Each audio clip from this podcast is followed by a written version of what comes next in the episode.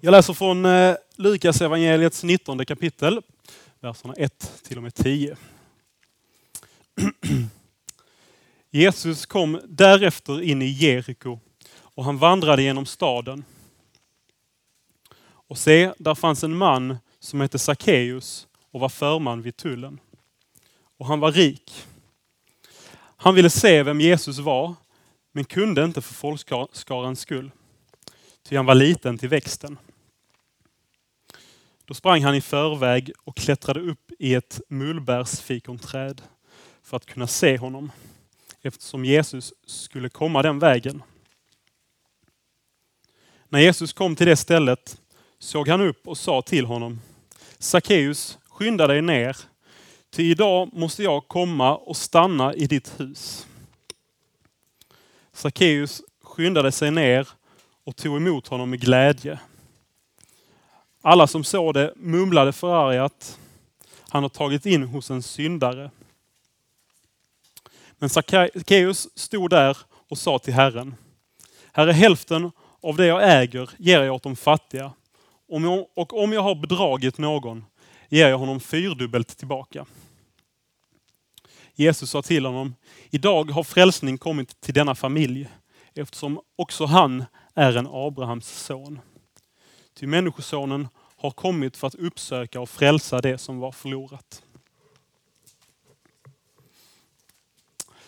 Så det vi har är en text om eh, ett av eh, Jesus många möten med människor.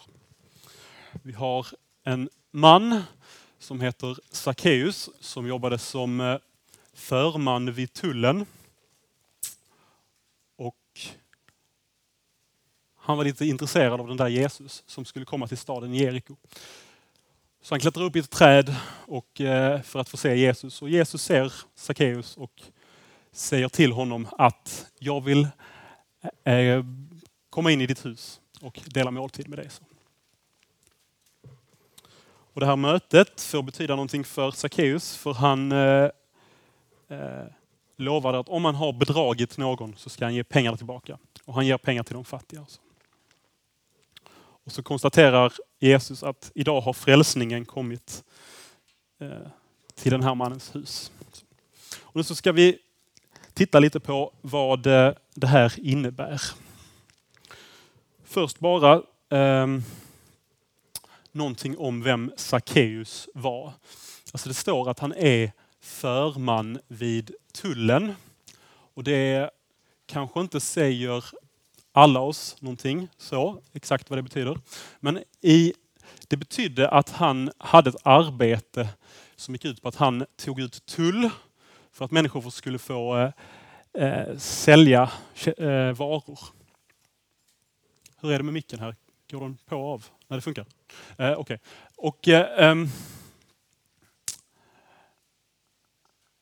ofta i evangelierna så ser vi att eh, Jesus eh, tar in och eh, äter och är med eh, eh, sådana som kallas för publikaner och syndare. Och bland dem då så fanns det sådana som då jobbade vid, i tullen så att säga.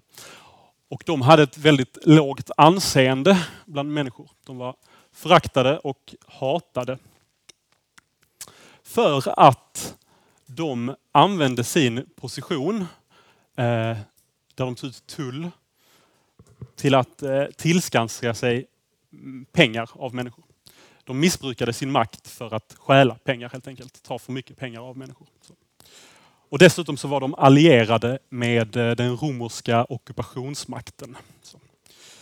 Och eh, en sak då som man ska ha klart för sig när man läser den här texten om Sackeus är att det står att han var förman vid tullen. Alltså han var en av eh, ledarna i det här systemet, eller vad man ska säga. Ofta kanske man tänker att de Jesus mötte, syndarna och så, att de, att de var offer för samhällets uppbyggnad och för hur de blev illa behandlade och hade hamnat utanför systemet. Så. Men så var inte riktigt fallet med Sackeus. För det här var en rik man som var högt uppsatt. Han var liksom chef. Det var han som hade byggt upp det här systemet med att människor eh, stal pengar av de som skulle betala tull. Eller byggt upp. Han var med och eh, stod för det så att säga. Så han var liksom inte ett offer, utan snarare var det han som gjorde andra människor till offer, kan man säga. Och eh, det kanske inte var så konstigt då att han var föraktad.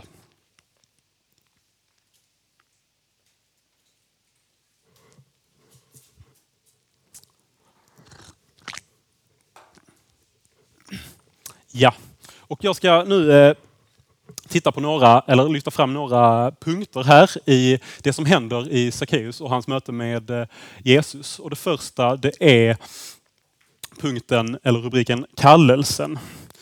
Och eh, Det jag menar med det då är så här att om man tittar på Sackeus och vad han gjorde så var det väldigt tydligt att han, han var angelägen om att få träffa Jesus. Han sökte liksom upp Jesus när han sa att Jesus kom, skulle komma till stan. Han eh, var kort till växten så därför klättrade han upp i ett träd för att kunna få se Jesus. Men ur det större perspektivet så att säga. Vem var det som sökte vem här i den här berättelsen? Jo, jag tror vi misstar oss lite om vi tänker att det var Sackaius, eller Sackeus måste jag bestämma mig för att säga, Sackeus, som eh, eh, sökte Jesus primärt här. Utan det var faktiskt ännu mer Jesus som sökte upp eh, Sackeus. Det var Jesus som hade tagit sig tid att eh, möta Sackeus, träffa honom. Och det var Jesus som hade tagit sig till staden Jeriko och ytterst sett ur ett ännu större perspektiv så att säga, så var det faktiskt så att det var Jesus som hade valt att födas som människa till den här jorden för att kunna möta människor, däribland Sackeus. Och jag tänker att det är lite samma sak med oss när vi eh, föreställer oss att eh, vi söker Gud, så att säga. Att det är vi som har en längtan efter att få möta Gud och vi söker Gud. Och vi kanske inte klättrar upp i ett träd eller så, men vi ber till, eh, till Gud och, och har liksom en längtan efter att få möta honom. Ur det större perspektivet, vem är det som söker vem egentligen? Jo, ur ett större perspektiv. Gud söker oss och eh, längtar efter att få ha, komma till oss, snarare än tvärtom.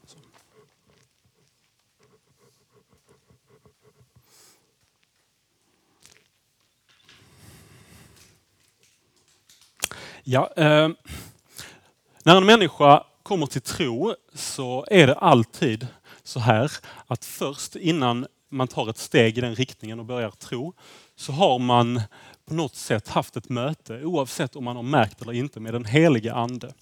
Den heliga Ande som är ute och verkar i människor och drar i människor för att skapa tro i dem. Innan man har eh, mött Gud så att säga, så har Gud sökt en. Och det gäller oss allihopa.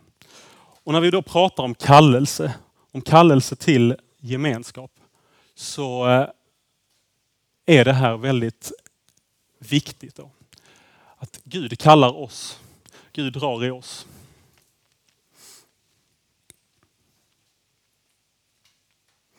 Och hur går det då till när eh, den heliga Ande drar i oss? När den heliga Ande skapar tro i en människa? Jo, den här eh, helgens teman, eller så att säga, det vi har pratat om här om lag och evangelium, det har en viktig del i det här. Hur det går till när man får en tro på Gud och hur, man, hur det går till när man eh, eh närmar sig Gud i olika faser i livet. så att säga. Det kan vara första gången man kommer till Gud så möter den heliga Ande oss, drar i oss och det sker då utifrån den här principen om lag och evangelium. Och det här är någonting som fortsätter genom hela våra liv som kristna. Den he heliga Ande fortsätter visa sanningar om oss själva och om Jesus. Fortsätter att dra i oss. Och eh, Sackeus då. Eh, hur tror ni han kände sig, så att säga, när, när han eh, hade en längtan efter att möta Jesus? Det var en man som var jude och som hade den judiska lagen eh, klar för sig, mer eller mindre i alla fall. Han visste om att det är inte okej okay att stjäla av människor.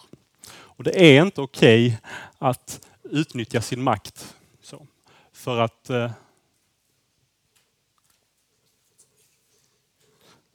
för att tillskanska sig pengar av andra.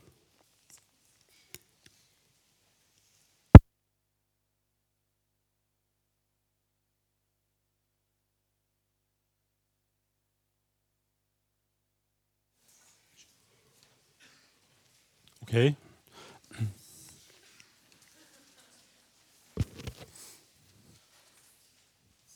Dessutom så var han eh, hatad, Sackeus, av människor omkring sig. Och eh, vad tror ni han tänkte då när han, eh, när han fick höra om, talas om den här mannen som skulle komma till Jeriko? Den här profeten som eh, hade ett visst rykte om sig om att eh, vara en god man som umgicks med de fattiga och de svaga. En man som undervisade med auktoritet om att man skulle älska sin nästa. Och en man som var väldigt kritisk till till de som eh, var högt ansedda i samhället och som eh, eh, använde det för att se ner på andra. För det var, för det var någonting som eh, Jesus gjorde ofta. Han hade en kritik mot eh, den religiösa eliten som ansåg sig vara över andra människor. Så. Hur mycket mer då tror ni inte Jesus skulle kritisera en man som eh, satt sig över andra människor tagit deras pengar ifrån dem och utnyttjat sin eh, position. Men ändå så har Sackeus en eh, stark längtan av att få möta den här mannen. Och jag tror vi kan tänka så här att det var någonting hos Jesus som Sackeus hade sett, eller som någonting som han hade anat. Om att här finns någonting jag behöver. Och samma sak gäller då för oss, om jag ska försöka få ihop det här nu, om eh, lagen. Om hur Guds lag visar för oss att det står någonting fel till i våra liv ibland. Och hur vi kan få se det när vi läser Guds ord, eller hur vi kan få känna det på andra sätt, kanske hur andra människor, människor får förklara det för oss. Vad drar vi för slutsats av det? Man kan göra på lite olika sätt där. Man skulle kunna säga, okej, okay, då vill jag inte ha med Gud att göra. Mitt dåliga samvete så att säga drar mig bort från Gud. Eller så skulle man kunna tänka sig att, okej, okay, men jag skärper mig. Jag tar tag i mitt liv och sen kommer jag till Gud. Eller så kan man göra som Sakaios gör här. Mitt uppe i det, utan att kom, göra någon förändring, så söker man sig till Jesus. Och det här är då en väldigt liksom central fråga. Återigen, när vi har dåligt samvete, när vi känner att vi inte räcker till inför Gud eller så. Vad drar vi för slutsats av detta? Det kan man nästan få ställa sig själv den frågan. Hur gör jag i ett sådant läge? Jag tror det är så lätt att man landar i det att eh, nu måste jag ändra på någonting själv för att sen få komma till Gud kanske har en synd som jag kämpar med eller så. Och så tänker jag att okay, jag prövar en vecka, en vecka av bättring och sen kanske jag kan komma frimodigt till Gud. Eh, eller så gör man som Sakaios. Kommer till Jesus just för att han har någonting jag behöver. I Jesus finns den här nåden som jag behöver. Och Jesus eh, eh, ser det här. Han ser Sakaios i hans situation och bestämmer sig för att ta in hos honom och möta honom. Och det här är då, då är vi inne på det vi kallar evangelium. Evangelium, det glada budskapet, det kan man eh, förstå och förklara på många olika sätt. Man kan prata om rättvisa, om eh, rättfärdighet, om förlåtelse, om liv, om kärlek och så. Från Gud. Det är liksom det glada budskapet till oss. Kärnan i allt det här, det är en upprättad gemenskap med Gud. Och i den gemenskapen så får vi allt vad vi behöver. Och den här eh, grejen med att eh, komma in i någons hus och äta och sådär. Det finns också liksom i eh, den här eh, kulturen en viss betydelse av detta. Måltiden, mötet över borden är liksom en nära gemenskap. Och eh, så. I Uppenbarelsebokens tredje kapitel så står det så här i vers 20. Se, jag står vid dörren och klappar på. Om någon hör min röst och öppnar dörren ska jag gå in till honom och hålla måltid med honom och han med mig. Och det är alltså Jesus som talar här. Den här bilden av Gud som söker oss och som längtar efter att få komma in i våra hjärtan och ha måltid med oss. Det är någonting som Sackeus då fick uppleva. Mitt uppe i sitt dåliga samvete så kommer Jesus hem till honom och möter honom.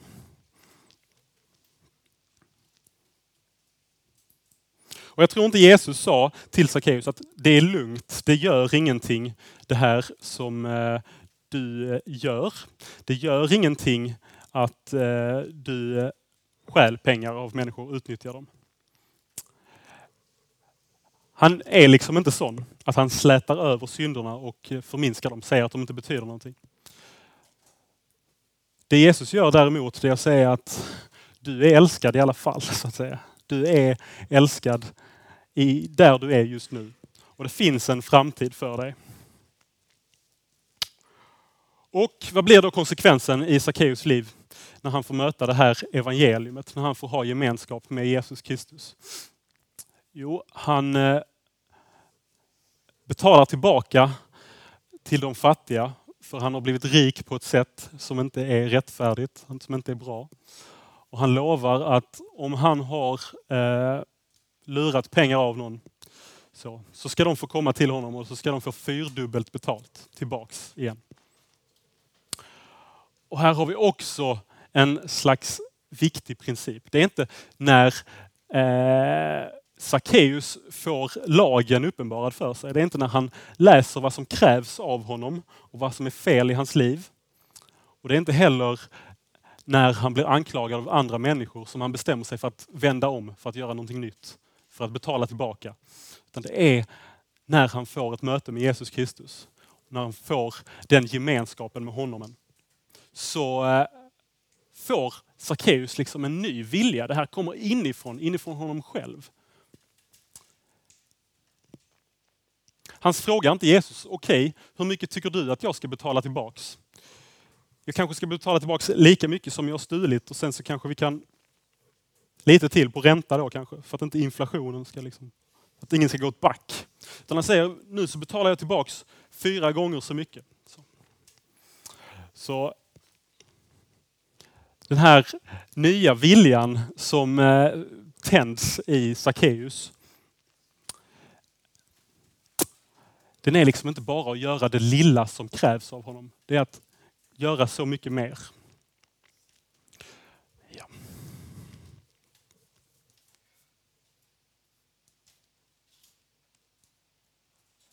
I eh, Lukas evangeliet i eh, några kapitel tidigare så finns det en berättelse om eh, den barmhärtiga samariten.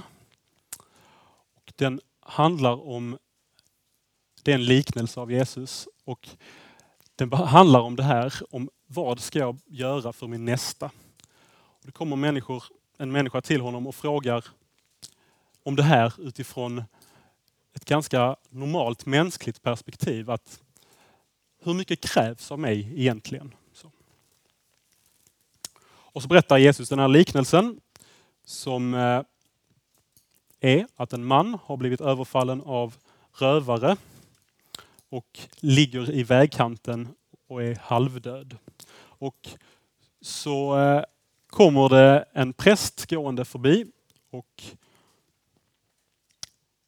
han eh, ser den här mannen som ligger halvdöd i diket. Men han gör ingenting för honom. Sen så kommer det en sam samarit då, gående förbi. Eh, och han eh, lindar om hans sår hjälper honom, tar med honom till ett värdshus och betalar notan där så. För att han ska kunna få eh, bli frisk igen. Och I den här berättelsen så har vi lite grann tre olika perspektiv som man kan ha. Det första perspektivet är rövarens perspektiv. Rövaren som säger att det du äger, det har jag rätt till. Det tar jag från dig. Så har vi prästens perspektiv som säger att det du har, dina problem och dina tillgångar, det tillhör dig. Och det jag har, det tillhör mig. Ditt är ditt, mitt är mitt. Och sen så har vi den tredje eh, sättet att se på det och det är den här samariten som tänker det som är mitt, det är också ditt. Man kan säga det som att det här tredje perspektivet, det som är mitt, det tillhör också dig. Det är det som eh, Sackeus börjar leva i. Och det här är liksom evangeliets eh, princip. Gud som ger av det han har till oss blir vi indragna i. Ett lagiskt sätt att tänka på det, det är att fråga, ställa frågan hur mycket ska jag ge? Och ställa frågan, har jag verkligen skyldighet att hjälpa någon som inte jag är släkt med eller vad det nu är. Liksom. Det är som att man bygger upp ett slags eh, staket och sen så eh, tänker man hur, var någonstans kan jag stå i det här och ändå liksom vara innanför? Kan jag stå här ute i hörnet? Jo, men då gör jag fortfarande Guds vilja. Det är det lagiska sättet att se på det kan man säga. I mötet med Jesus och när evangeliet fått blivit en real, realitet för en så blir frågan helt annorlunda. Då blir istället frågan hur nära kan jag komma? Hur nära kan jag komma Jesus Kristus? Och man står liksom inte ute i hörnet och bevakar, ja men jag är, in, jag är på insidan, utan istället så står Jesus i centrum. Och så får man säga, hur lik kan jag bli Jesus? Så. Okej.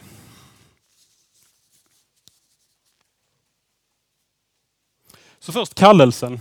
Sackeus kallas och på samma sätt så kallas vi. Och den helige Ande drar i oss. Och med hjälp av att visa eh, lag för oss så för Anden oss till Kristus där vi får nåd och förlåtelse. Och först i nåden och förlåtelsen så kan den här nya viljan födas till att leva på ett nytt sätt. Där man inte bevakar sina gränser och tittar hur mycket måste jag göra utan ser istället hur mycket kan jag göra. Där man ger fyrdubbelt tillbaks istället för precis så mycket som man ska plus några procent.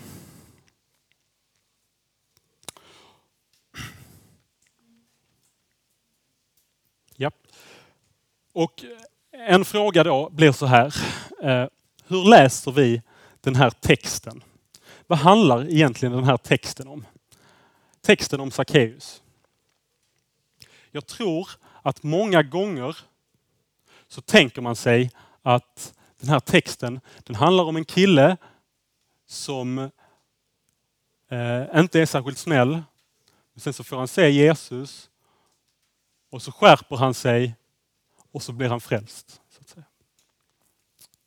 Men jag tror inte vi läser texten rätt då. Det, det funkar inte på det sättet. Det är inte i den ordningen. Vi ser en man som är i stort behov av Guds nåd. Han finner den i Jesus. Han söker sig till Jesus, får Guds nåd. Först då så förändras allting för honom. Och frågan blir inte bara hur vi läser den här lilla texten, för det är ju helt okej okay att läsa en liten tio rader eller tio verser i Lukas evangeliet att läsa dem fel. Det är inte så allvarligt. Det är kanske inte är jättebra, men det är inte så allvarligt. Den ännu mer allvarligt blir frågan om man ställer ställer den så här. Hur förstår vi vad det är att vara kristen utifrån den här texten? Är det att få en vilja att lära känna Gud, skärpa sig och sen bli bekräftad av Gud? Nej då, får jag väl lägga till.